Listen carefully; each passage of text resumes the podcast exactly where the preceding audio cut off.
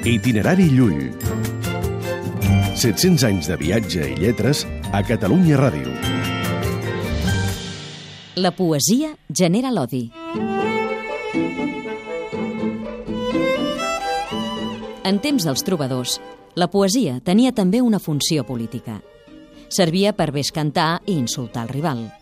Ramon Llull en lamentava les conseqüències. Veiem que els malvats juglars són maldients i s'esforcen per crear enemistats entre un príncep i un altre, i entre un baró i un altre, i per la mala fama que els juglars sembren i per l'odi i la mala voluntat que engendren entre els alts barons, veiem destruir imperis i regnats i comtats i terres, viles i castells.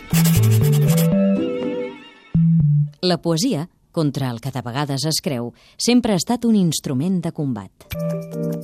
Itinerari Llull.